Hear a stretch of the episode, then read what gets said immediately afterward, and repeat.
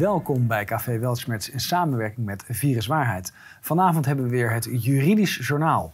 Met Jeroen natuurlijk. Ja, Willem. Ja, we gaan het hebben over uh, Fort Oranje. Ik heb uh, de afgelopen maanden uh, heb ik het hele verhaal op papier gezet. En uh, daar gaan we denk ik de komende weken vier of vijf uitzendingen over maken. En ehm, ja, ik, toen ik het zelf terugkeek, uh, was ik eigenlijk verbijsterd over wat daar gebeurd is de afgelopen tien jaar. Hoe je zo gewend raakt aan een geradicaliseerde overheid.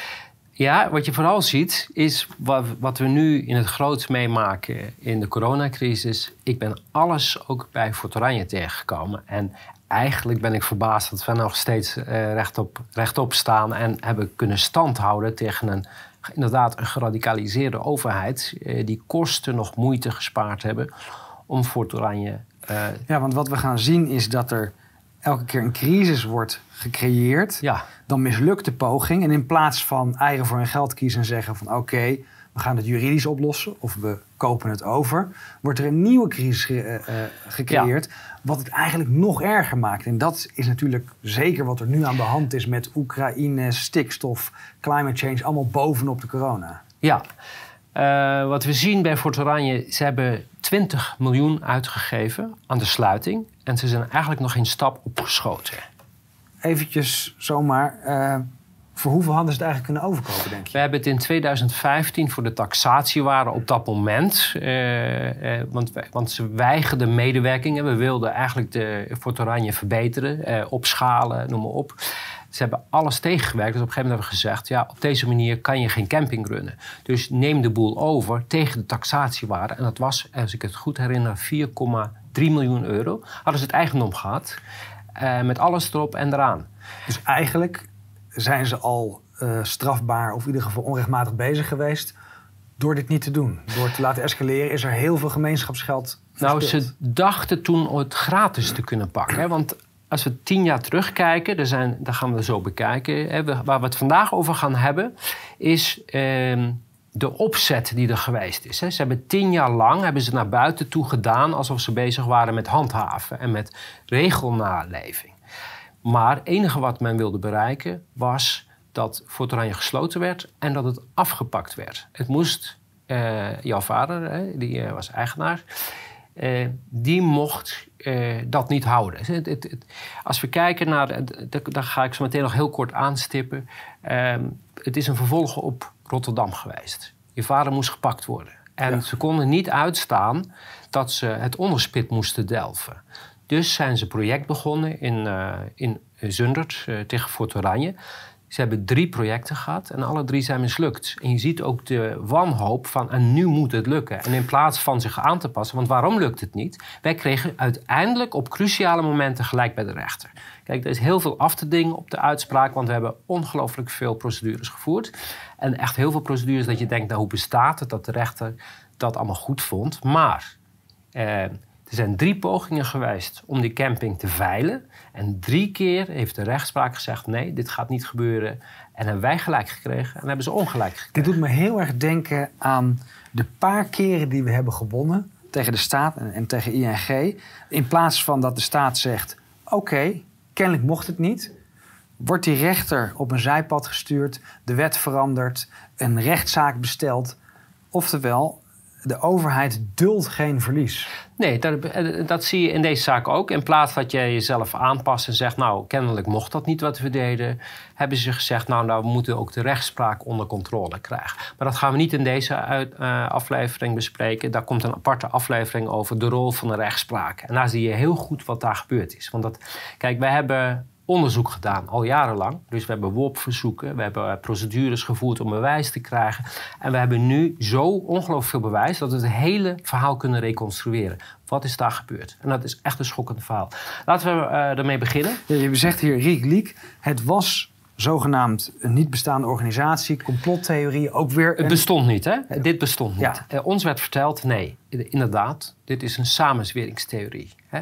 Totdat wij het uh, wij zijn er blijven pushen van let op, dit bestaat. Er is een schaduwoverheid waar wij niks van af weten en die alle regels breekt, alle wetten breekt en die zich erop richt om mensen met ongewenst gedrag. Let op, hè. Het ze zeggen dat het over georganiseerde criminaliteit gaat. Dat is niet het geval. Het gaat over ongewenst gedrag. Toepasselijk ook een uil. Een uil is een roofvogel die je niet hoort vliegen. Dus je wordt gepakt waar je het niet verwacht. Ja, je, je ziet niks en je wordt gepakt. Je weet ook niet door wat je gepakt wordt. Mhm. Want eh, de meeste slachtoffers van het RIEK hebben geen idee wat hun overkomen is. Het enige wat ze weten is dat ze vermalen zijn. Dat ze failliet zijn, dat ze alles kwijt zijn. Maar hoe dat komt, dat weten ze niet. Eh, als ik dan het, eh, want er zijn een aantal slachtoffers van het RIEK... die hebben mijn verhaal gelezen en toen ineens... hé, hey, dit heb ik meegemaakt. We gaan het niet hebben over hoe de RIEK in elkaar zit. Daar hebben we een aparte uh, uitzending over gemaakt. Uh, die kan je terugzien. Dat heet Riek ondermijnt het recht. Die zowel op Blue Tiger, uh, ook bij Weltschmerz kan je vinden. En ook op Video Waarheid. Ja. Dus kijk die, want het is heel interessant om te zien hoe dat Riek werkt. Wij gaan laten zien... Want dat is eigenlijk de SPACI, het co coördinatienetwerk om al die overheidsinstellingen heen. Ja, dat, eh, het is een samenwerkingsverband. Hè? En, eh, zonder uh, rechtsgrondslag. en daar worden miljoenen naartoe gesluist via privé-stichtingen. het is allemaal heel schimmig wat daar gebeurt. maar het RIEK was een voorbereiding op deze tijd. Hè? Dus het is geen toeval. Dus ga dat vooral kijken. Ehm, en wij gaan in deze serie vooral kijken hoe werkt het nou in de praktijk? Wat doet het RIEK? Hoe opereren ze? En dat denk ik dat we dat heel goed kunnen laten zien. Dit is uh, Fort Oranje in 2006. Er stonden uh, over de 700 staakervens, waarvan de meeste eigendom waren van de camping. Die 700 staakcaravans, waarvan uh, sommige echt met een waarde van uh, vele tienduizenden euro's. Hè, want ze laten altijd allemaal caravans zien, maar uh, de, een groot deel van die camping bestond gewoon uit mooie staakcaravans. Die hebben ze allemaal gesloopt. Hè, zonder rechtsgrondslag, zonder wat. Ze hebben gewoon die caravans gepakt. Ze hebben, dus daar is wel voor een miljoen aan schade aangericht? Nou, veel meer. We hebben een taxatie laten opmaken. De overheid heeft voor 8 miljoen euro schade aangericht. En die gaan wij verhalen op de overheid. En dan hebben ze nog niet eens het eigendom. Dus ze zitten nu op 20 miljoen schade. Dus wat ze al uitgegeven hebben. Nou, dus ze zullen ons moeten compenseren. En daar hebben ze nog niets. Hè? Maar dat zie je als een geradicaliseerde overheid uh, losgaat. Dan komen ze in een eigen bubbel terecht. En dan denken ze dat alles kan. het probleem is natuurlijk, het is niet hun geld. Ze kunnen het uitgeven zonder pijn. Ja.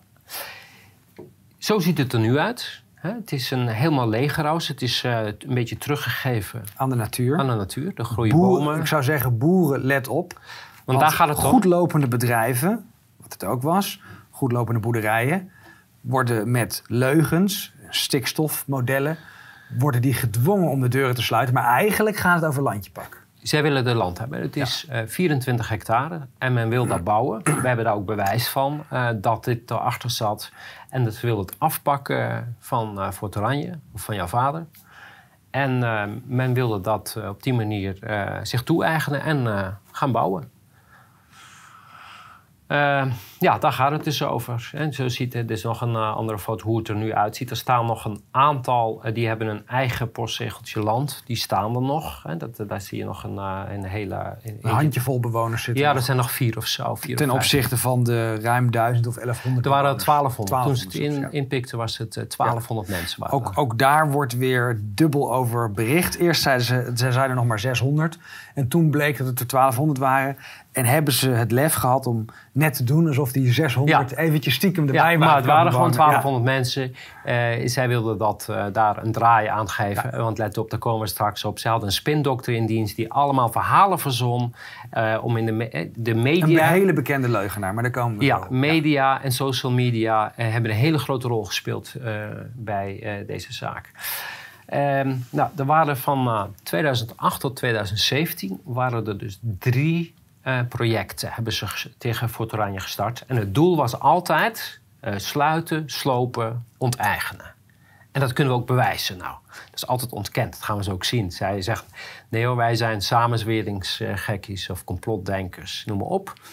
Uh, net als in de coronacrisis dus ook hier inderdaad weer die parallellen van eerst heel hard ontkennen en vooral degene die met waarheid ja. komt voor gek zetten, ridiculiseren, stodderig niet meer te ontkennen is... en dan net doen alsof het heel de normaalste zaak nou, van de wereld is. Ze, eh, de laatste procedure, die hebben we drie weken geleden gehad... daar noemden ze ons nog steeds complotdenkers. En ik, ik laat vandaag even zien... eh, ja, dat is net als met corona. Je hebt het bewijs ligt op tafel, maar gewoon zeggen... nee hoor, jij bent een complotdenker.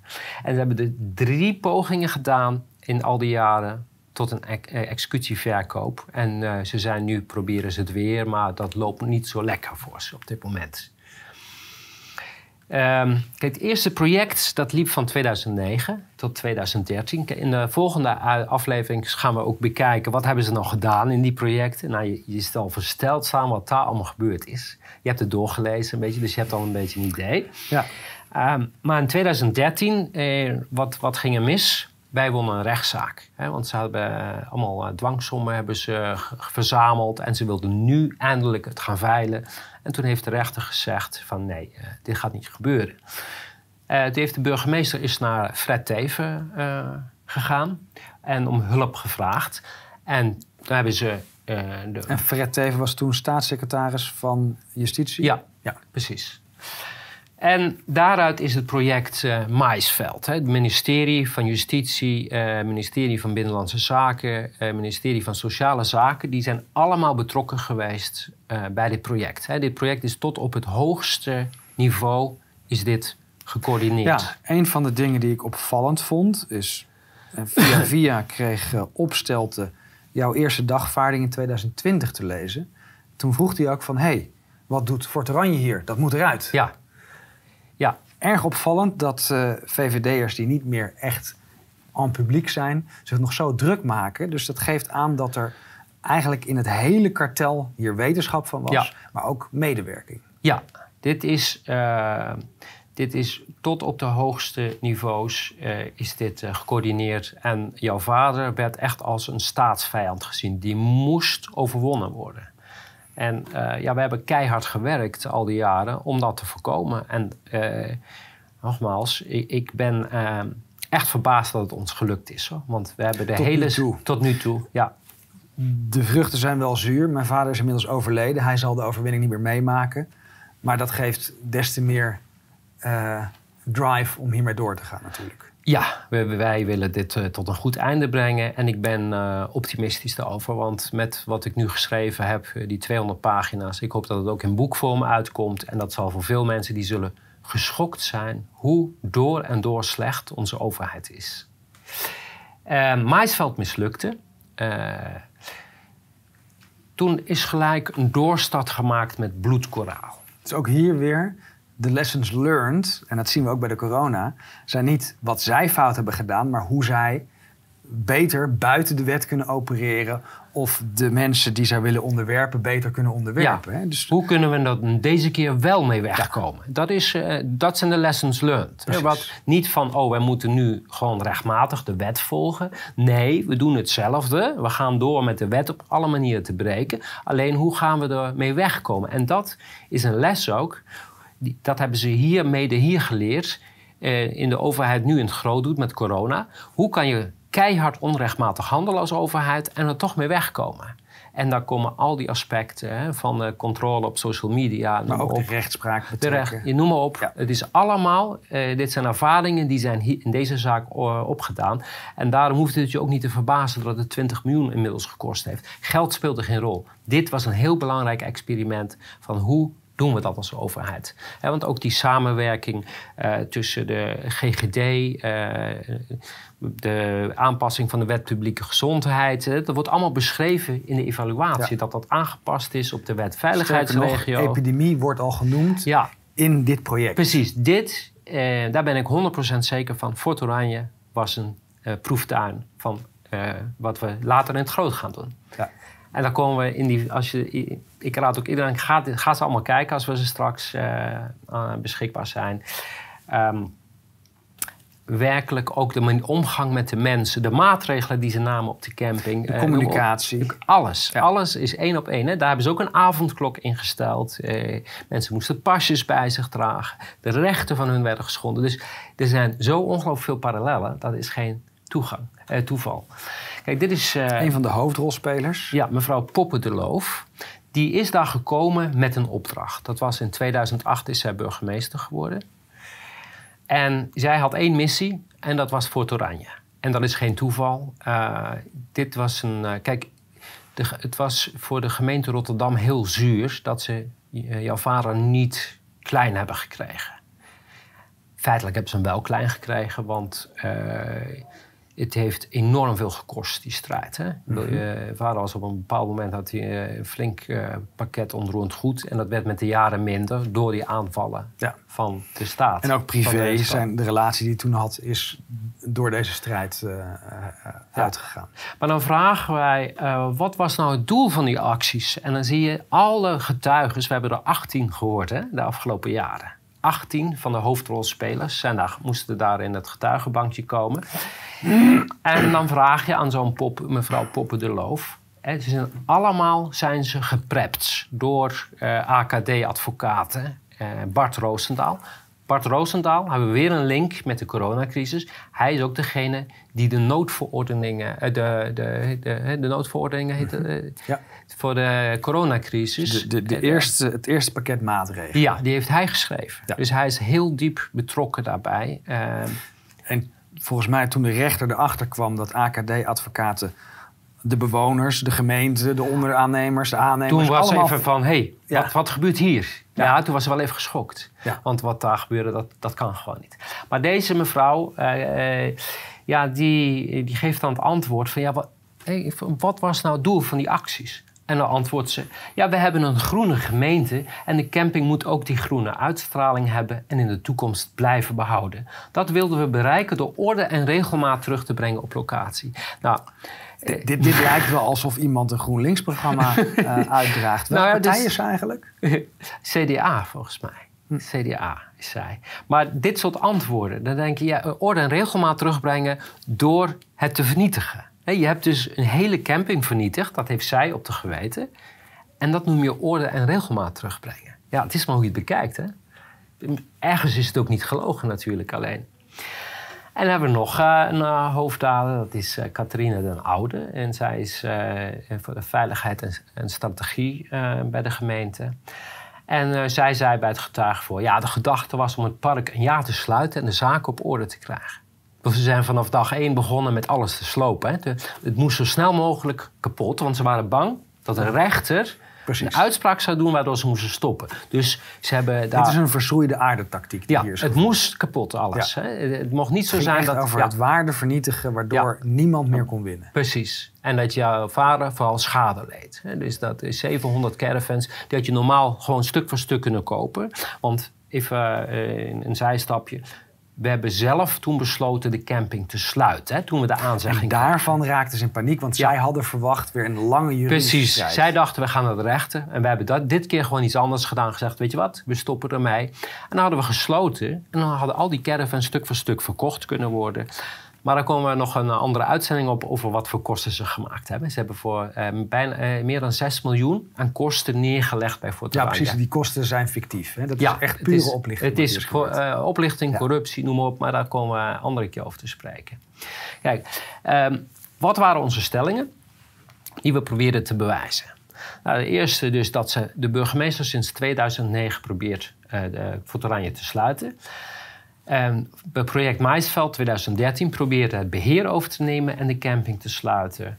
En uh, het doel was altijd dus sluiten, slopen, ontnemen. En de handhavingsacties, hè, want ze hielden iedere paar maanden een integrale actie. Dat is typisch RIek, hè, dan storm je binnen. Een razzia zou je het kunnen noemen. Natuurlijk, uh, maar dan sluit je het hele terrein af. Niemand mag weg. Iedereen moet, wordt urenlang vastgehouden. En dan wordt werkelijk alles doorzocht. dat is wat ze deden. En dat heeft heel veel schade opgeleverd. Want eh, in 2000... Dus bewoners, want het had permanente bewoners, die werden gegijzeld. Ja, die werden gegijzeld. Niet alleen permanente bewoners. Je had heel veel recreanten. Zeker in 2009 was het nog gewoon een familiecamping. Hè? Dus het waren allemaal mensen uit Rotterdam en Den Haag. Die hadden een, een staker voor de weekend. En daar waren ze ieder weekend die, op een gegeven moment, als je een paar keer zo'n actie hebt meegemaakt en je hebt een paar keer een aanzegging gehad van we gaan sluiten vanuit de gemeente. Op een gegeven moment zeg je nou, weet je, we vinden het mooi geweest.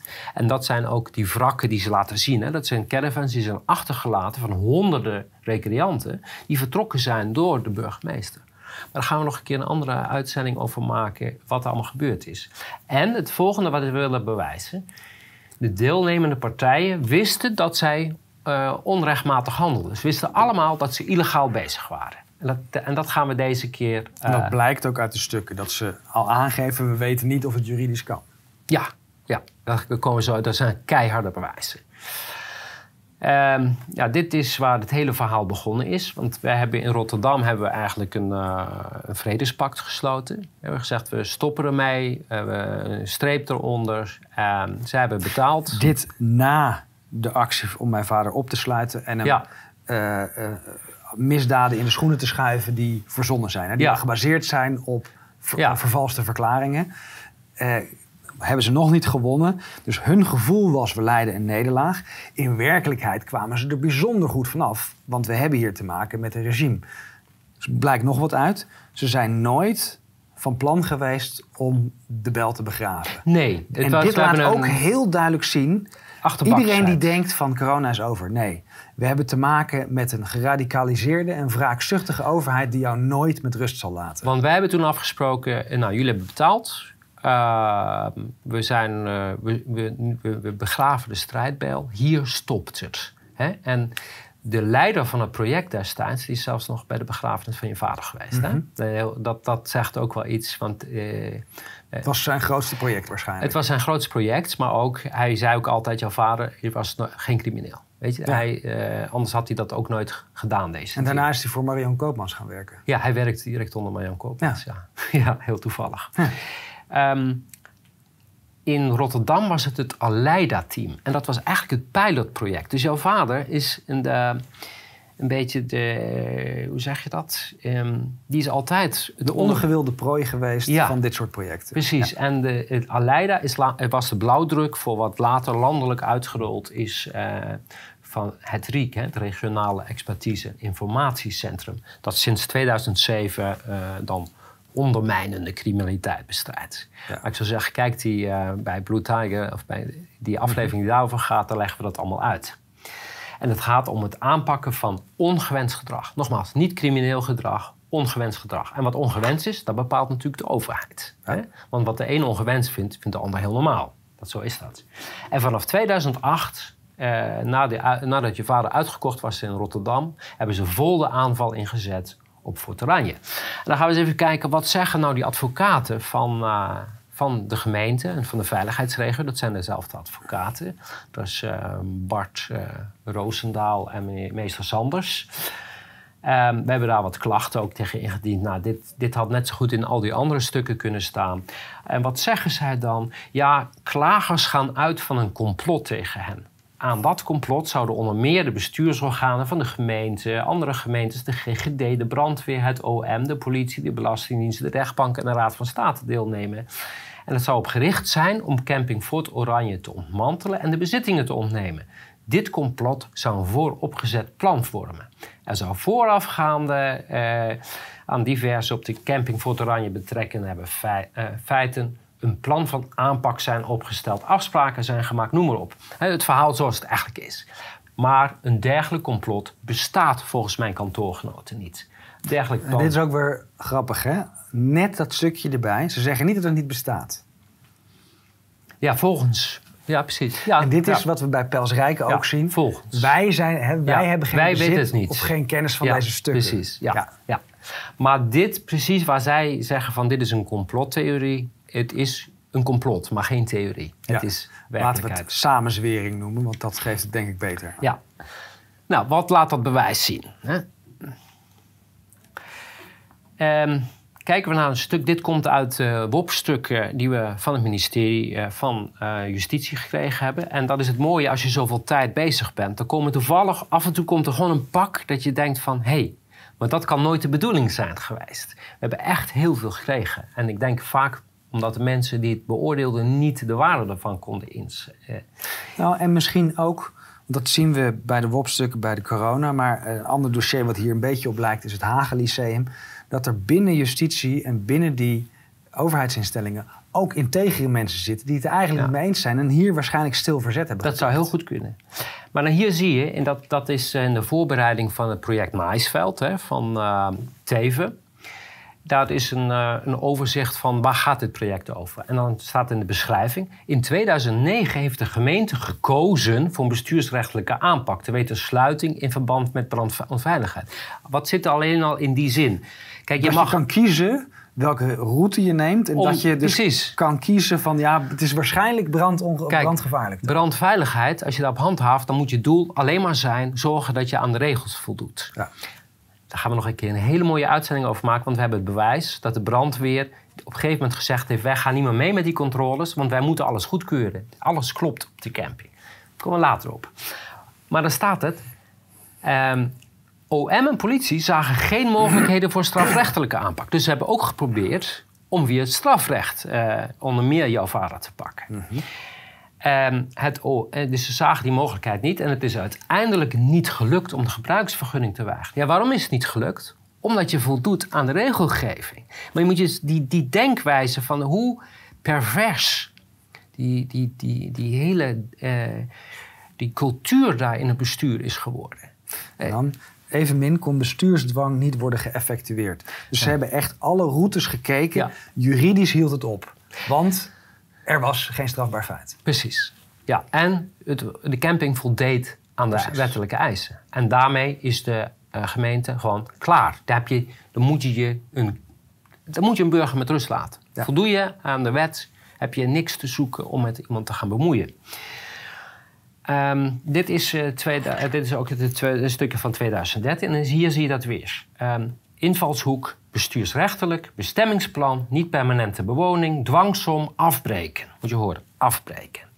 Tegelijkertijd kijken of strafrechtelijk, fiscaal of anderszins mogelijk. Kijk, dit is het Rieke. Dit, dit laat ook heel duidelijk zien. Dit is echt een schoolvoorbeeld van détournement de pouvoir. Ja. Niet kijken naar het feit. We zoeken het feit er wel bij. Ja, en dan ik, vertrek van eigenaar en beheerder zal waarschijnlijk niet leiden tot een normale camping. Let op, hè, we hebben het hier over eigendom. Sinds wanneer bepaalt de overheid of jij uh, eigenaar bent of dat jij uh, bestuurder bent? En moet je voor hoe ver dit gaat. Hè? De, het RIEK gaat bepalen van ja, deze meneer die willen wij niet als bestuurder hebben of als eigenaar hebben. Dus daar gaan we wat aan doen. En dan staat er op het einde doelstelling project nu veranderen in sluiting camping. En dit is 2013. Ja, en dat vereist een bredere aanpak en afstemming met andere onderzoeken. Je moet je voorstellen, je weet hier niets van. Hè? Hier wordt jou niks van verteld. Je merkt alleen van, hé, hey, er gebeuren allemaal rare dingen. Want dit werd niet in de stukken tijdens de rechtszaken naar voren Nee, nee, nee. Dit hebben we allemaal boven water moeten halen. Dit werd allemaal keihard ontkend. Je, je hebt net gezien wat de advocaat zei. Nee, allemaal onzin. Er is geen complot. Nou, het staat allemaal zwart op wit. Ehm, sinds deze week is Riek betrokken bij Maisveld, bij project Maisveld. Het gaat hier om de sluiting van recreatiepark in Zundert. Maar als het gaat om sluiting, ehm, waarom ben je dan bezig met het handhaven van regelgeving? En het beheer overnemen, et cetera. Eh, Nee, het gaat om sluiting. Dat is, en dan zie je ook wie daar meewerkt. Taskforce B5, vertegenwoordigers van de gemeente, politie, OM, Belastingdienst, inspectie, sociale zaken, eh, RIEK, regionaal fraudecentrum en uh, veiligheid en justitie. Dus jij als burger... Precies wat er een paar slides geleden werd ontkend, ja, wordt bevestigd. Dat wordt bevestigd, ja. En als burger, hè, kijk, want zij zien zich als slachtoffer van een burger. Wij krijgen deze burger niet klein, dus wij zijn slachtoffer. Hè. Het lukt niet om hem klein te krijgen. Maar een overheid heeft oneindig middelen, oneindig mankracht en oneindig tijd. En om jou als burger jou te verzetten tegen een, een, een overheid, een almachtige overheid, dat kost zo onvoorstelbaar veel geld en energie. Dat kunnen maar heel weinig mensen. De enige die ik kan bedenken die een strijd heeft gevoerd, nou, er zijn er echt twee. Oldmans is er eentje, die heeft zijn hele leven gevochten tegen de overheid. En uh, natuurlijk uh, rondom uh, Schiphol, Chipshol. Dat Peter is, Poot. Peter Poot. Die heeft ook gevochten als een leeuw, maar die had natuurlijk ook de middelen daartoe. Ja. en jouw vader is denk ik de derde. Er is niemand anders die, dit, die het gelukt heeft om tegen de overheid staande te blijven. Na Maisveld kwam uh, Bloedkoraal. En wat staat er? Dit is eh, van de kick-off meeting, noemen ze dat dan. Hè? Dat is een start. recreatiepark Fort Oranje zal nimmer meer als een normale camping gaan functioneren. Moet je je voorstellen, als eigenaar weet je dat niet. Hè? Zij zitten daar en zij bepalen dat. Dus heimelijk hadden ze al besloten dat de eigenaar moest veranderen en de bestemming moest Ja, veranderen. en in plaats dat je nou met die eigenaar een keer gaat praten... en we zeggen, nou, hè, we zijn het niet zo eens met hoe je die camping runt. Wat kunnen we doen om het te verbeteren? Maar er is in al die jaren nooit gesproken met de eigenaar. Alles is over de eigenaar gegaan. En even voor het volledige beeld. Er is regelmatig een aanbod gedaan. Hoe Ja. kunnen we hieruit komen? Ja, dat laten we in een volgende uitzending zien. Eh, maar dus, we hebben meermaals plannen gemaakt. We hebben steeds aangeboden, we hebben hulp gevraagd. Maar de- dat was niet de bedoeling. De bedoeling was sluiten en afpakken. En als je dan problemen gaat oplossen... Dat is hetzelfde met de coronacrisis. Hè? Problemen moeten niet opgelost worden. Nee, problemen moeten blijven bestaan. Want anders kunnen we De namelijk geen maatregelen... namelijk als een excuus voor de maatregelen. Precies, en dat is hetzelfde wat hier gebeurd is. Zij moesten eh, criminaliteit hebben, ze, eh, ze moesten van allerlei problemen daar hebben, omdat ze anders niet konden rechtvaardigen om daar op te treden. En dan krijg je een andere slide en dan zie je ineens eh, in, die, in dat project Bloedkoraal, dat, je, eh, dat hebben ze dan opgedeeld in commissie rakkers, stakkers en ondernemer, maar ze hebben ook een commissie ruimtelijke ordening. En dit is, ja, Ja, nou ja, ruimtelijke ordening, dan denk ik direct aan de provincie. Maar hier staat gemeente bij. Nou zal een gemeente ook wat ruimtelijke ordening doen. Maar het geeft al aan, hoezo ruimtelijke ordening? Nou, ze wilden de bestemming veranderen zodat ze daar kunnen gaan bouwen. En dat was natuurlijk de bedoeling. Dus je pakt het glan- de grond gratis af, hè, die pak je gewoon af. En dan ga je het zelf toe-eigenen en dan ga je erop bouwen. Ook weer hier, de stikstofcrisis, de boeren... waarvan het land wordt afgepakt om te bouwen. Ja, dit is de besluitenlijst. En van, en dat is van de kick-off eh, van eh, de eh, bloedkoraal. Je dat laat zien wie er allemaal bij was. Hè. Rechercheofficier van Justitie, teamleider Riek, eh, districtprogrammaleider, de marquise, de eh, regiocoördinator EOS, Belastingdienst. Hè. Dat zijn die twee die ook... eh, Armand van Noord. ja, eh, hoe heet die andere? Ik ben even zijn naam kwijt. Ja. Ehm, Riek secretariaat, de FIOD, accountmanager Riek. eh, Noem al die houten methoden die gaan dan bij elkaar zitten, lekker interessant doen. En dan komen ze daar tot een eh, besluitenlijst. En wat staat er nou in het besluit? Nou, hier in een zwart gemaakte kwint geeft aan dat er graag opnieuw intensief met Fort Oranje aan de slag gegaan wil worden. Er is een regiegroep aangesteld met drie commissies. En dan rakkers en stakkers. Maar dan ontneming, ontneming op subject Engel. En ontneming op de onderneming. En dan hopelijk is er in maart 2017 voldoende om tot verwerving en sluiting over te gaan. En de Belastingdienst die geeft aan alleen te willen inzetten op ontneming van subject. Dus hij wilde vooral gaan richten op, om jouw vader leeg te plukken. Moet je je voorstellen wat dit betekent. Een overheid, zonder dat je het weet, die besluiten... we gaan die mensen ontnemen. We gaan alles van ze afpakken. Want dat staat hier. Hè? Ehm, en dan hebben we die, de pro- eh, programmamanager eh, van het RIEK... of van de taskforce. Dus tegenwoordig is de en de taskforce hebben allemaal verschillen... maar dat is allemaal bij elkaar nu. De RIEK taskforce in Brabant. Hij is degene die die kick-off meeting georganiseerd heeft. Hij gaf leiding aan Broedkoraal. En dan hebben we hem dat besluitenlijst voorgehouden. En dan staat hij, ja, in dat citaat eh, van de, de werkgroep onderneming genoemd, de commissie onderneming op de onderneming. Op de vraag wat bedoeld wordt met onderneming op onderneming, kan ik u geen antwoord geven. Ik zie het u nu staan, maar ja, onderneming is nooit aan de orde geweest. U vraagt mij onderneming voor wat? Ja, ik weet het niet. In het citaat wordt ook gesproken over verwerving en sluiting. Ja, verwerving begreep ik dat bedoeld wordt verwerving, maar dat is nooit een doelstelling geweest. Dus keihard liegen. Deze, Onder, onder Ede dus. onder Ede. Dit Ja. is mijn niet, want deze man heeft hier mijn niet gepleegd. Deze Dus man, het is een dader.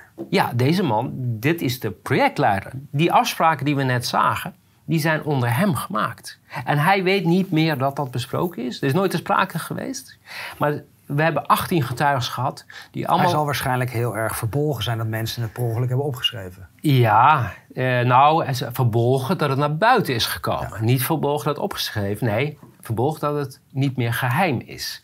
En 18 getuigen, en van die 18 hebben eigenlijk de meeste hebben in koor staan liggen. Allemaal stuk voor stuk. En allemaal dimensie.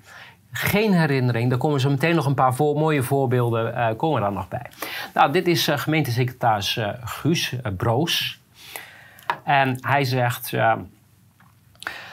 Ehm, ja, met die drie werkgroepen, Bloedkoraal, hebben ze geconstateerd dat het recreatiepark geen toekomst had. En dus de overheid constateert voor jou, ja, dat, jou, dat recreatiepark dat heeft geen toekomst.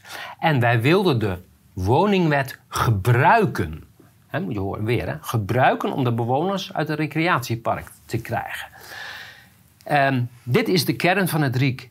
Bevoegdheden zijn wapens. Welke bevoegdheden kunnen we gebruiken om welk doel te bereiken? En dat staat hier open en bloot, dat zegt hij ook gewoon. En daar hebben ze juridisch advies van AKD gekregen om dit op grond van de woningwet te doen. Um, zou er geen voorlopige voorziening worden aangevraagd, dan was het voornemen uitgevoerd. Dat is waar we het net over hadden. Dus het moest snel, snel, snel om te voorkomen dat de rechter zou ingrijpen. En het voornemen hield in het uitplaatsen van de doelgroepen en het leegmaken van het park. Dat advies van de AKD, dat hebben wij geprobeerd te krijgen via een rechtszaak. Dat is afgewezen. Ze willen dat advies niet laten zien. En dit laat zien, want het is gevraagd aan de rechtbank om het. Uh, maar wat dit laat zien is dat de rechtbanken zelf partner waren. Dat in de laatste poging AKD en de mensen die hier een rol in speelden, snapten... de enige veiligheidspal waar het alsmaar op misloopt is de rechtspraak. Die betrekken we als ondernemingspartner. Ja, ja, nou ja, je, je betrekt ze erbij. Je neemt ze mee in het proces. Maar daar, dan, gaan we, gaan we nog een keer een hele mooie uitzending... want ik heb dat helemaal uitgewerkt hoe dat zit nu. Helemaal gereconstrueerd. Maar die AKD heeft een hele belangrijke rol gespeeld. En wat in dat advies staat... daar staat waarschijnlijk gewoon in... nou, als je het in beheer neemt... dan kan je kosten maken. En met die kosten kunnen we het ontnemen. En dat hebben ze dus. Ze hebben ook 6 miljoen beheerkosten... waarmee ze je eigendom gesloopt hebben. En uh, daar komen we zo nog op. Wie een, uh, ook een rol speelde. Is meester Raymond de Bok. Ja, een beetje slecht leesbaar, maar ja, dat is Raymond de Bok van de Bok en Gasseling Advocaten. Hij was de curator van Engel Beheer BV en Engel Vastgoed BV. Nou, die zijn, uh, het faillissement is aangevraagd in het kader van project Maisveld. dat is waar Teven, die hebben dat uitgedacht. Nou, als we nou die moeder uh, vennootschappen failliet laten verklaren, dan kunnen wij die camping eruit halen. Dat was het idee. Ja, je vader heeft, heeft soms echt goede ideeën. En heeft kort voor het faillissement was, heeft hij toch nog even snel die aandelen overgedragen. En toen waren ze, hadden ze weer misgegrepen. En daar zijn ze ook echt goed ziek van geweest. En ze hebben de curator betaald om allemaal procedures te voeren tegen ons. Terwijl wij eigenlijk de grootste schuldeiser waren in het faillissement. Dus de Belastingdienst en de gemeente hebben geld gegeven aan de curator om te procederen tegen ons. Dus ook dit een volledig corrupt iemand. Ja, maar dat zijn alle curatoren. En uh, ik denk wel dat hij, het is geen domme man. Raymond de Bok is een hele slimme meneer. En ik heb ook wel het gevoel dat hij heeft ook geen zin om hier verder ingetrokken te worden. Dat merk je ook wel aan hem. Maar het zijn opportunisten. Um, wat, wat zie je dan? Uh, we hebben dat uh, in het huisvestings, herhuisvestingsplan staat dan um, dat de curator zou uh, dan de bewindvoering gaan doen. En dit is voor ons de trigger geweest om te zeggen: wij gooien het bijltje erbij neer. Want wij zagen ineens: hé, hey, de curator. Dus het idee was om uh, Fort Oranje ook uh, failliet te verklaren. En dan zou hij de, het beheer overnemen. Dat was het plan. Ze wilden ons dus langzaam naar de slagbank leiden. Eerst een beheer nemen en dan een beetje procederen. En dan, dat was het idee dood laten bloeden. Ook hier weer, kijk, na bijna drie jaar uh, dwang en bedrog. De ondernemingen staan op omvallen. Want al die maatregelen hebben het ondernemen onmogelijk gemaakt. En nu krijgen we de nekslag met de energierekening. Ja, want ze hebben ook altijd ontkend hè, dat ze het beheer wilden nemen. Nee, eh, want het besluit was eigenlijk... Uh, je hebt vier weken de tijd om die gebreken op te heffen... en anders gaan we sluiten. Maar het was het echte plan was om het beheer te nemen. En wat zegt nou die Hamond, die we net ook zagen, de projectleider? Eh, de gemeente Zundert zou het beheer overnemen zoals aangekondigd was. Het is nooit aangekondigd. Hè? Dus ze kwamen pas met het beheer toen wij ging, zeiden van uh, we gaan sluiten. Dan hebben ze de volgende dag met geweld die camping gepakt. Met een paar honderd man hebben ze ons een gebiedsverbod gegeven. En uh, dus dat beheer is nooit geweest. En dat is altijd ontkend. Tot op de dag van vandaag zeggen ze nee, we hadden nooit het plan om dat te doen. Dat is pas op 22 juni besloten. Um, ja, drie uh, kerngroepen aan de gang gegaan. Uh, de vraag was wat nodig, wat nodig was om te kunnen komen tot normalisatie van de camping. He, zie je hoe die mensen praten. Ze proberen het allemaal nog uh, normaal te laten klinken. Hij bekeek of er door de drie kerngroepen verzamelde gegevens voldoende waren voor overname of beheer van het terrein om tot normalisatie te komen. En het plan was uh, over te gaan tot sluiting om in september 2017 het beheer over te nemen. Dus hier zie je ook, het was van tevoren gepland, het beheer. Dat is niet een spontaan geweest. En toch beweren ze dat iedere keer weer. Uh, hier zie je ook dat het beheer van tevoren gepland was. Uh, 3 juni 2017, dus dat is echt daags voor die aankondiging. Uh, de aankondiging was 9 juni. Precies. En uh, hier staat het doel beheer camping in handen ja. van de overheid. En wat mij nou zo opvalt, ze liegen allemaal ja. onder Ede. Ja. Dat ze het zo massaal doen, geeft al aan dat ze afspraken hebben gemaakt met de rechtspraak. Dat kan niet anders. Ja, nou afspraken weet ik niet, maar uh, ze zijn in ieder geval erin meegenomen. Maar ja. ik heb dat helemaal uh, uitgedokterd, hoe ik denk dat het was. Ik denk niet dat er gewoon afspraken gemaakt zijn, maar er is, is ge gebruik gemaakt van psychologische manipulatie. He, dus de, je, je legt een, je, een call for action. Ja? Uh, dus er wordt een urgentie ja, voor, voor die rechtbank ja. neergelegd. Van wij staan met onze rug tegen de muur. om de wij, ogen te sluiten. Wij staan met de rug tegen de muur. Je maakt het moreel. Die arme bewoners, we moeten ingrijpen. De, uh, hoe, hoe, dat gebeurd is, daar komen we nog een keer op. Sloop? Nee. Geen idee waar je het over hebt. Uh, dit is wat AKD zegt. De beheerovername was bij aanvang enkel bedoeld om direct de ergste misstanden aan te pakken. En dan zie je weer dat liegen. Hè? Het was gewoon bedoeld om alles plat te gooien, zo snel mogelijk. en het college de mogelijkheid te bieden om stapsgewijs de camping te sluiten en leeg te maken. Het was in eerste instantie dan ook niet de intentie om alle staakcaravans te verwijderen. De bedoeling was dat slechts die caravans die slechte staat waren, zo slecht waren dat deze onbewoonbaar waren. Wat is er nu gebeurd? Het is helemaal leeg. Alles is, ja, maar, dat, ja, maar we hebben, komen er zo aan, we hebben bewijzen dat het ja. ook de opdracht was van dag één.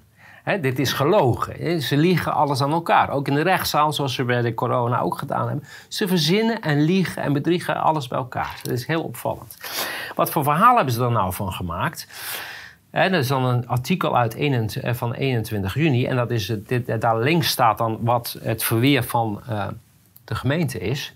Die zeggen, ja, gelet op de grote aantallen staakcaravans en bewoners... als mede de gang van zaken... waarbij iedere lege caravan als vanzelf weer werd opgevuld... door illegale bewoners. En daarom kwam het college tot de conclusie... er was geen andere mogelijkheid om de bedreiging voor de leefbaarheid... en het gevaar voor de gezondheid en veiligheid weg te nemen. Dan ontruimen. Dus wat zij zeggen... wij moesten alle caravans weghalen, want anders gaan, gingen er weer mensen in bewonen. Moet je je voorstellen hoe uh, krankzinnig die redenering is. Hè? En heel ongeloofwaardig natuurlijk. Maar het laat ook zien, we hebben een oplossing en we zoeken daar een probleem bij. Ja. We weten wat we willen, dat is met corona precies hetzelfde. Ja. We weten wat we willen en we zoeken daar een probleem bij. Um, en dit is, zo werd het dan heel groot in de publiciteit gegooid. Hè? Want het zijn die persberichten die er dan uitgaan. Uh, en dan zie je hier, verwijderen staakcaravans was geen vooropgezet plan, zegt dan de gemeente en de, hun advocaten. Voor betreft de argumenten dat mijn kantoorgenoten zouden hebben geweten van een vooropgezet plan om alle staakcaravans te wijzen, wijzen we nogmaals op, er is geen vooropgezet plan. Um, maar dan komen we bij, wie heeft nou het beheer, de opdracht voor het beheer gekregen? Nou, als je deze meneer ziet, dat is meneer Bassaron. Dat is een Surinaamse uh, Nederlander. Ehm, die helemaal geen ervaring heeft verder. Die heeft ook geen bedrijf. Hij heeft een vennootschapje opgericht. Twee weken nadat hij de opdracht kreeg. Hij heeft de eerste opdracht gekregen. Dus, dus een, dit is Ja. een typische plof-BV. Ja, dit is een plof-BV. Ja, Slufter Beheer BV heeft hij eh, opgericht. Hij heeft eh, in negen maanden tijd... Hij heeft officieel 1,2 miljoen in zijn zak gestopt. En hij heeft eh, nog daarnaast aan steekpenningen... aantal honderdduizenden euro's ook in zijn zak gestopt. En de En- steekpenningen zijn betaald door de gemeente. Nee, die steekpenningen zijn betaald door opdrachtnemers. Hè. Die, de bedrijf wat die caravans heeft afgesla- afgevoerd... eh, die hebben 2,3 miljoen in rekening gebracht voor het afvoeren. Hè, die moeten wij betalen.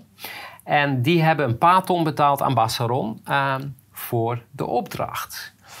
En bij, op de vraag van, ja, hoe zat dat dan met die caravans die weer vol werden met mensen? Eh, weet je daar iets van? Hoe werkt dat? En dan zegt hij, ja, bij mijn weten...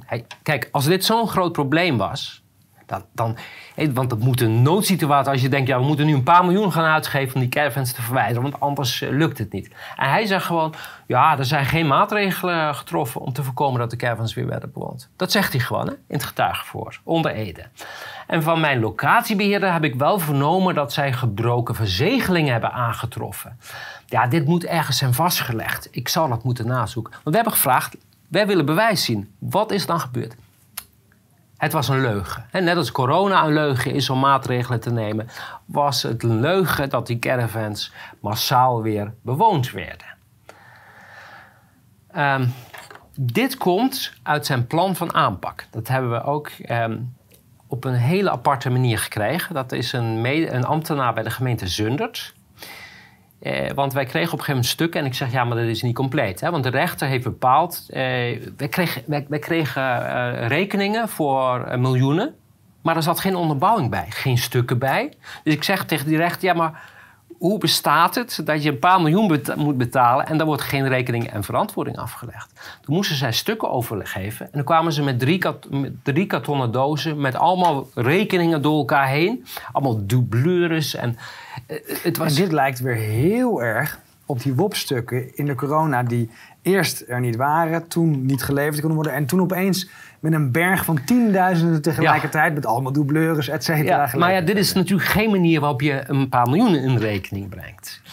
Ehm, en uiteindelijk heb ik die eh, eh, medewerker van de gemeente gevraagd: ja, waar is de rest? En ik wil graag de plannen van aanpak en zo hebben. Ik heb een heel pakket van hem gehad. En dezelfde dag is hij vertrokken bij de gemeente.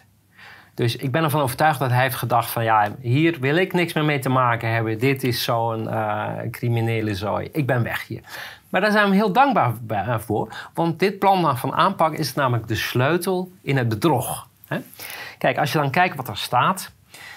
Ehm, even kijken. Het kan voordelen. Het gaat dan over de gebiedsgerichte eh, benadering per vak. Dit beschrijft de sloop van de camping. En let op, dit is ver voordat ze die leugen naar buiten brachten dat ze moesten nu alles gaan afvoeren. Nee, dit is 3 juli hebben zij de opdracht gehad.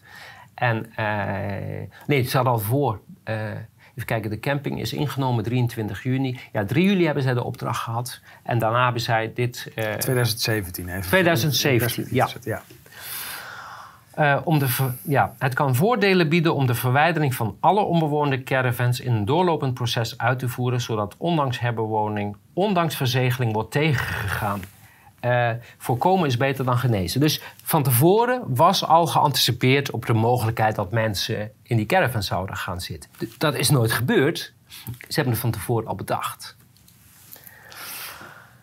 Ik moet dan weer denken aan tiplijns die de politie zichzelf eh, belt, anoniem, en dan zegt er komen voetbalsupporters. En dan is er reden om in te grijpen. Ja, ja dus dit hele verhaal, eh, één leugen om de een reden te hebben om de caravans te, te verslepen. Wat miljoenen gekost heeft en die rekeningen bij ons neergelegd zijn. Daarna zijn ze gesloopt. Dus ze hebben ze eerst opgeslagen, opslagkosten en toegesloopt. Op onze kosten natuurlijk. Ehm, dus die, eh, dat verhaal van da- dat kwam pas drie weken nadat de opdracht gegeven was tot sloop van alle caravans. En de bewering dat er een verband bestaat eh, tussen eh, illegale kamperers en de beslissing het terrein te ontmantelen is volstrekt ongeloofwaardig. En kijk, een advocaat eh, die noemde dit, die vergeleek het zo. Hè? Je zet je auto neer bij een uh, parkeergarage. En dan kom je terug en dan zegt de eigenaar van een parkeergarage... Ja, we hebben je auto laten afslepen en laten slopen... want we waren bang dat er ingebroken zou worden in die auto. Kunt u even de parkeerkosten, transportkosten... en de kosten voor het slopen betalen? Dit is letterlijk wat gebeurd is bij Fort Oranje. Um, dit is het plan van aanpak. Kijk, dit is, het plan van aanpak is van 12 juli, maar het is een voortzetting van de opdracht, dat staat er ook, uh, van 2 juli. Dus het is eerst mondeling gegaan en toen hebben ze daar een offerte voor uitgebracht. Offerte, um, deze meneer, deze Surinaamse Nederlanders, die kreeg beacht 34.000 euro per week in rekening voor het beheer. En onder uh, Ede verklaarde hij... Eh, we vroegen, wat heb je nou gedaan voor dat geld? Hij kon het niet vertellen. Hij zegt, we hebben niks uitgevoerd. Dus, uh, maar 34.000 per week om een camping te beheren. Dat is nog eens een mooie baan, zou ik zeggen. Hè? Ik ben nog op zoek naar zo'n baan. uh, en het staat er letterlijk in. Ammoveren Camping Fort Oranje. Dat is de doelstelling. En dan beweer je dus dat van tevoren niet de bedoeling was om de camping te slopen. Het staat letterlijk erin. En ik heb nog even erbij opgezocht, amoveren, dat betekent slopen. Kan geen twijfel over bestaan. Maar dan vroegen wij aan Bassaron van ja, maar wat betekent dan dat amoveren in jouw plan van aanpak? En dan komt het. Dan zegt hij, op de vraag wat ik zojuist bedoelde met het woord amoveren, antwoord ik dat ik mij dat ook heb afgevraagd wat daarmee wordt bedoeld. Let op, hij is een stroomman. Hij heeft het plan van aanpak geschreven, naar eigen zeggen. Ik begreep dat het ging om het veranderen van de camping. Nou, dat is op zich wel juist, hè? want de camping is veranderd. Um, ik weet niet wat er over amoveren in het projectplan staat. Dan zou ik het plan weer moeten lezen. Het projectplan was een definitief document, want het is doorgestuurd. Ik weet niet wie het plan zou uitvoeren en ik weet ook niet op welke wijze het is uitgevoerd. Mijn bedrijf had een uitvoerende rol en nam geen besluiten. Wij gaan er als ondernemer van uit dat de gemeente te vertrouwen is en dat je mag afgaan op de opdracht. En dan komt het, wij voerden niets uit. Eh, dit is degene die uh, dus 1,2 miljoen gevangen heeft voor het uh, begeleiden, beheer. beheer van de camping. Ja. Geen idee wat een plan staat, geen idee wat amoveren is. Uh, maar laten we eventjes uh, het, noemen, het beestje noemen bij de naam. Dit is een plof BV. Ja. Ze hebben daar stroomman bij gezocht. Dit is een witwasoperatie van de gemeente zelf ja, geweest. Absoluut, 100 procent. Ja. En dan kijk je naar het plan van aanpak. Daarin staat meetbare resultaten 23 juni 2019. Dat is dus twee jaar na de inbezitneming. Alle caravans zijn verwijderd, alle opstallen zijn verwijderd, bijgebouwen zijn verwijderd, de aansluitingen per standplaats zijn verwijderd. Er is doorzicht gecreëerd eh, met het groen.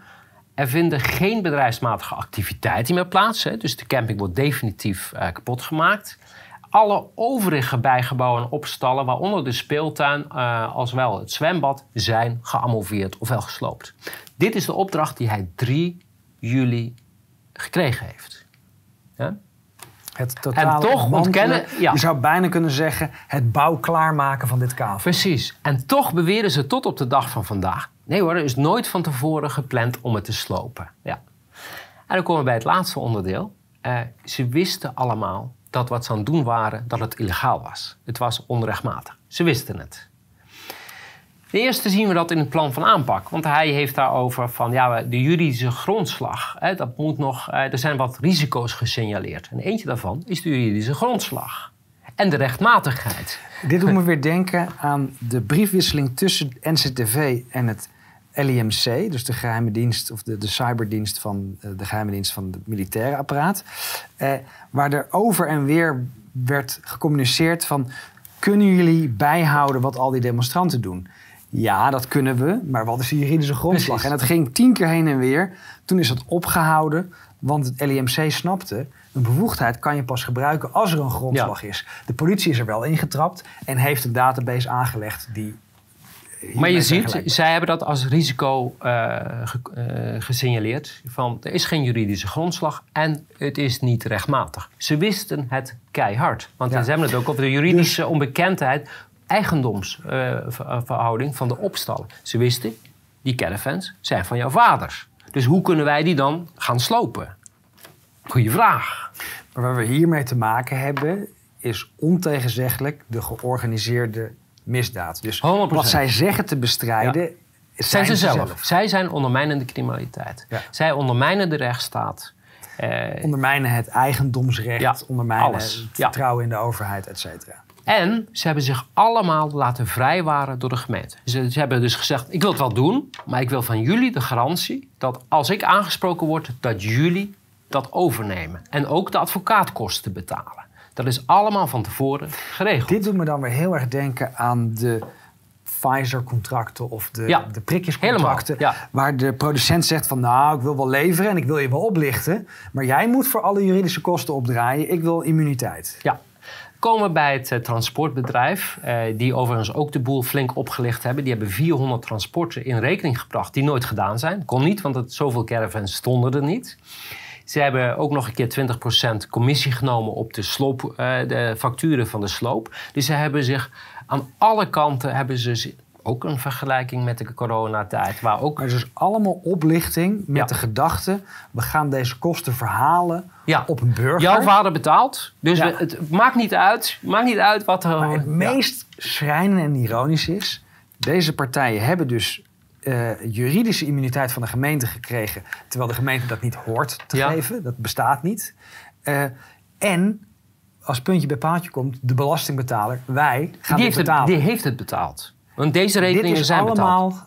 dit is allemaal oplichting. Alles is betaald. Ja. En eh, de, de accountant van de gemeente heeft het allemaal afgekeurd, want de Europese aanbestedingsregels zijn niet gevolgd. Eh, het is Dus er zitten ook nog mensen die zeggen... dit kan niet. Nee, die zeggen gewoon nee, dit, dit kan niet. Dit kon niet wat hier gebeurd is. Ja, absoluut. Heeft geweigerd te ondertekenen. Ja. Dat is een, belangrijk punt. Dus Ja. met dit soort eh, eh, stukken op te nemen van we willen geen juridische aansprakelijkheid en een accountant die zegt dit kan niet. Ja. Dit is niet te ontkennen. Dit zal de gemeente ook niet kunnen ontkennen. Dadelijk. Nou, ze zitten met een probleem dat er zoveel informatie boven water is gekomen. Maar dan kijken we naar Teunis van Klooster. Die hebben we ook als getuige gehoord, een van de 18. En die hebben 2,3 miljoen eh, gedeclareerd en ontvangen. En hij zegt ook, wij zijn door de gemeente gevrijwaard en dat ziet op de verwijdering van de chalets. Wij hebben gevraagd om deze vrijwaring, dat is niet ongebruikelijk, maar in mij was niet duidelijk of wat wij deden in overeenstemming was met de wet. Nou, ook weer een duidelijk eh, statement. En dan komen we bij voormalig staatssecretaris Jack de Vries. Spindokter. Berucht persoon. Ja, hij is, eh, eh, hij is van Hill and Knowlton Strategies. Het zijn, ja, dat zijn mensen die zijn eh, gespecialiseerd in het Bedrog. Bedrog. Ja, dus je ver- verzint verhalen en die eh, ga je via de media, via social media, controle houden op de. Want zijn een van zijn. narratief. Hè? Da- Ja. Daar werd al gebruik gemaakt van narratief. Ja. De publieke opinie moest tegen de beheerder en eigenaar van de camping. Precies. De- en dat hebben zij eh, geregeld. Maar hij heeft meer gedaan. Hij heeft ook de rechtspraak heeft hij onder handen genomen. Hij heeft een symposium eh, mee. eh, ge- ik weet niet of hij het zelf georganiseerd heeft. Ik weet zeker dat het idee komt van hem, hoe je dat moet aanpakken. Want ze hebben alle psychologische trucs eh, hebben ze toegepast. Kijk, want dit komt van de website. Heeft hij weggehaald onlangs. Dus ze voelen nattigheid. Ze weten dit loopt fout. Ja? Ehm, wat is zijn opdracht? Hoe kunnen wij stakeholders positief beïnvloeden en daarmee ook de voortgang van het proces borgen? Nou, daar hoor je al in. Wat was altijd de, eh, de, de, hoe heet je, het punt waar het fout liep? Dat is rechtspraak. Rechtspraak is een stakeholder. Bestaande wetgeving voorzag niet een aanpak om als overheid een camping of een bedrijf over te nemen. Een proces moest dus juridisch, politiek en communicatief zeer zorgvuldig doorlopen worden. Hoor je Heel wat bijzonder, want eigenlijk zeg je... als we het toch willen, dan moet je de wet veranderen. Ja. Maar er wordt hier dus gekozen voor een, een, een richting... die sowieso strijdig is met de wet. Ja, en dan komen we weer bij de corona. Daar is precies hetzelfde gebeurd. Hè? Je doet iets totaal illegaals, maar je komt ermee weg door het zo te spinnen dat het net lijkt altijd een ramp. Weet je, noodzaak. Ja, we kunnen niet anders. Hè? Dat is zelf wat hier gespeeld is. Die arme mensen. En we moeten ingrijpen, want het is verschrikkelijk. Hè? En allemaal horrorverhalen verspreiden eh, om illegaal handelen te verdoezelen. Dat is wat hier gebeurd is. Dan komen we bij de 9 juni heeft de burgemeester een, uh, een persconferentie gehouden waarin ze aankondigde we gaan sluiten. Nou, en wat staat er nou in haar speaking notes? Hebben we ook via een WOP-verzoek uh, gekregen. En dan zegt hij niet vooruitlopen op benodigde wetswijziging, omdat dit de eigen juridische positie ondergraaft. We stralen uit dat we er met een gedegen voorbereiding van uitgaan dat dit stand houdt. Dus je hebt een overheid die weet van we handelen illegaal, maar we gaan dat natuurlijk niet zeggen. En ze heeft de mond voorbij gepraat, want deze speech is nergens meer te vinden op internet. Ze hebben alles weggehaald. Hè? Want wij wilden die. Ik, want dat was ook de aanleiding voor ons om te sluiten. Want ze had namelijk gezegd: voor iedereen is onderdak verzorgd. En. Daarmee praten ze haar mond voorbij. Ja, en ze zei: het besluit wordt sowieso definitief. Wat voor zienswijze er ook gegeven wordt, dit gaat sowieso door. Eh, ze hebben dat gelijk van Omroep Brabant. We hebben daar nog navraag van: heeft u nog een. Alles was verdwenen, het bestond niet meer. Ja. Waarschijnlijk omdat zij daarmee vervolgd zou kunnen worden. Dit is de briefing op de dag dat, uh, van, bij de politie. Uh, op de dag dus dat uh, de gemeente de bewoners ging mededelen dat er gesloten zou gaan worden. Nou, wat staat daarin? Ten eerste zegt van ja, sorry dat jullie dat nu pas horen, want dit stond onder streng embargo, hoogst geheim, wat uh, dit allemaal een geheime operatie. Dan moet ik weer denken aan mijn aanhouding. Ja. Een beetje hetzelfde. Een specifiek team, die was alleen ingelicht zodat de andere politieagenten het niet wisten. En er werden bevoegdheden ingezet alleen maar om te zorgen dat ze het medianarratief in stand konden houden. Ik ben aangehouden, al, al die dingen zijn, zijn ingezet om te zorgen dat ik niet zelfstandig contact zou hebben met de media. Ja, en wat staat hier letterlijk in? Vandaag, hè, uh, vrijdag 9 juni, uh, omstreeks 12 uur 45 gaat de beheerder van Fort Oranje, de heer Engel, jouw vader, aangezegd worden dat de gemeente naar de bestuursrechter gaat stappen met als uiteindelijke doel de camping te sluiten. En dan komt het. Bestuursrechtkenners onder ons zullen zeggen dat definitieve sluiting niet kan via bestuursrecht. En dat klopt, maar dit is ongeveer wel de boodschap die naar buiten wordt gebracht. Dus je ziet, het is één en al. Ik wil een, een, een overheid die op deze manier opereert, die gewoon zegt: wij hebben scheid aan de wet. Wij doen gewoon waar we zin in hebben. het enige waar zij zich nog druk over maken is het narratief, de beeldvorming. En dit bewijst, de rechtsstaat is in Nederland al lang ver weg. Hè? Want dat is de boodschap. En daar hebben eh, verschillende opvolgende kabinetten hebben daar heel hard aan gewerkt om die hele rechtsstaat te slopen. En een van de onderdelen was het RIek. Alles moet gewoon kunnen. We doen waar we zin in hebben. Het doel heiligt alle middelen. En, die, en, en, wat dan de doelen zijn, dat bepalen ze dan zelf. Want dat gaat dan om mensen die ongewenst zijn, die afwijkende meningen hebben. Hè, of die uh, dingen op een andere manier doen uh, dan zij gewenst is, noem maar op. Um, dus dat, dit is het voor vandaag. Hè. Deze maand eh, zijn er een paar zittingen rond Fort Oranje. Ja. Uh, dat brengt natuurlijk ook een beeld. Een hele interessante zaak. En ik hoop dat mensen de parallellen zien. Maar ook snappen dat dit over het eigendomsrecht gaat. Ja. Als dit kan, is eigendom Niemand waard. Want iedereen, ja. de, iedereen kan zomaar worden onteigend. En een ander punt, dus wij zitten nu met een overheid uh, waar de integriteit verdwenen is. Hè? Het, zijn, uh, het is een criminele organisatie zonder moreel besef, zonder ethisch besef. Uh, en dat gaan we in de volgende afleveringen gaan we daar nog uitgebreid op in. En de volgende gaan we de drie RIEK-projecten beschrijven. Van wat is daar nou allemaal precies, wat hebben ze nou allemaal gedaan? En het is werkelijk schokkend om dat te zien. Hey, toen ik dat allemaal uitgezocht had en ik, en keek er terug, denk hoe bestaat het dat een overheid zich op deze manier gedraagt? dus wat deed de gemeente, politie, justitie, wat deden ze allemaal om die sluiting en de ontneming te realiseren? Dus daar gaan we volgende keer over hebben. En, tot vrijdag. Goed, tot vrijdag.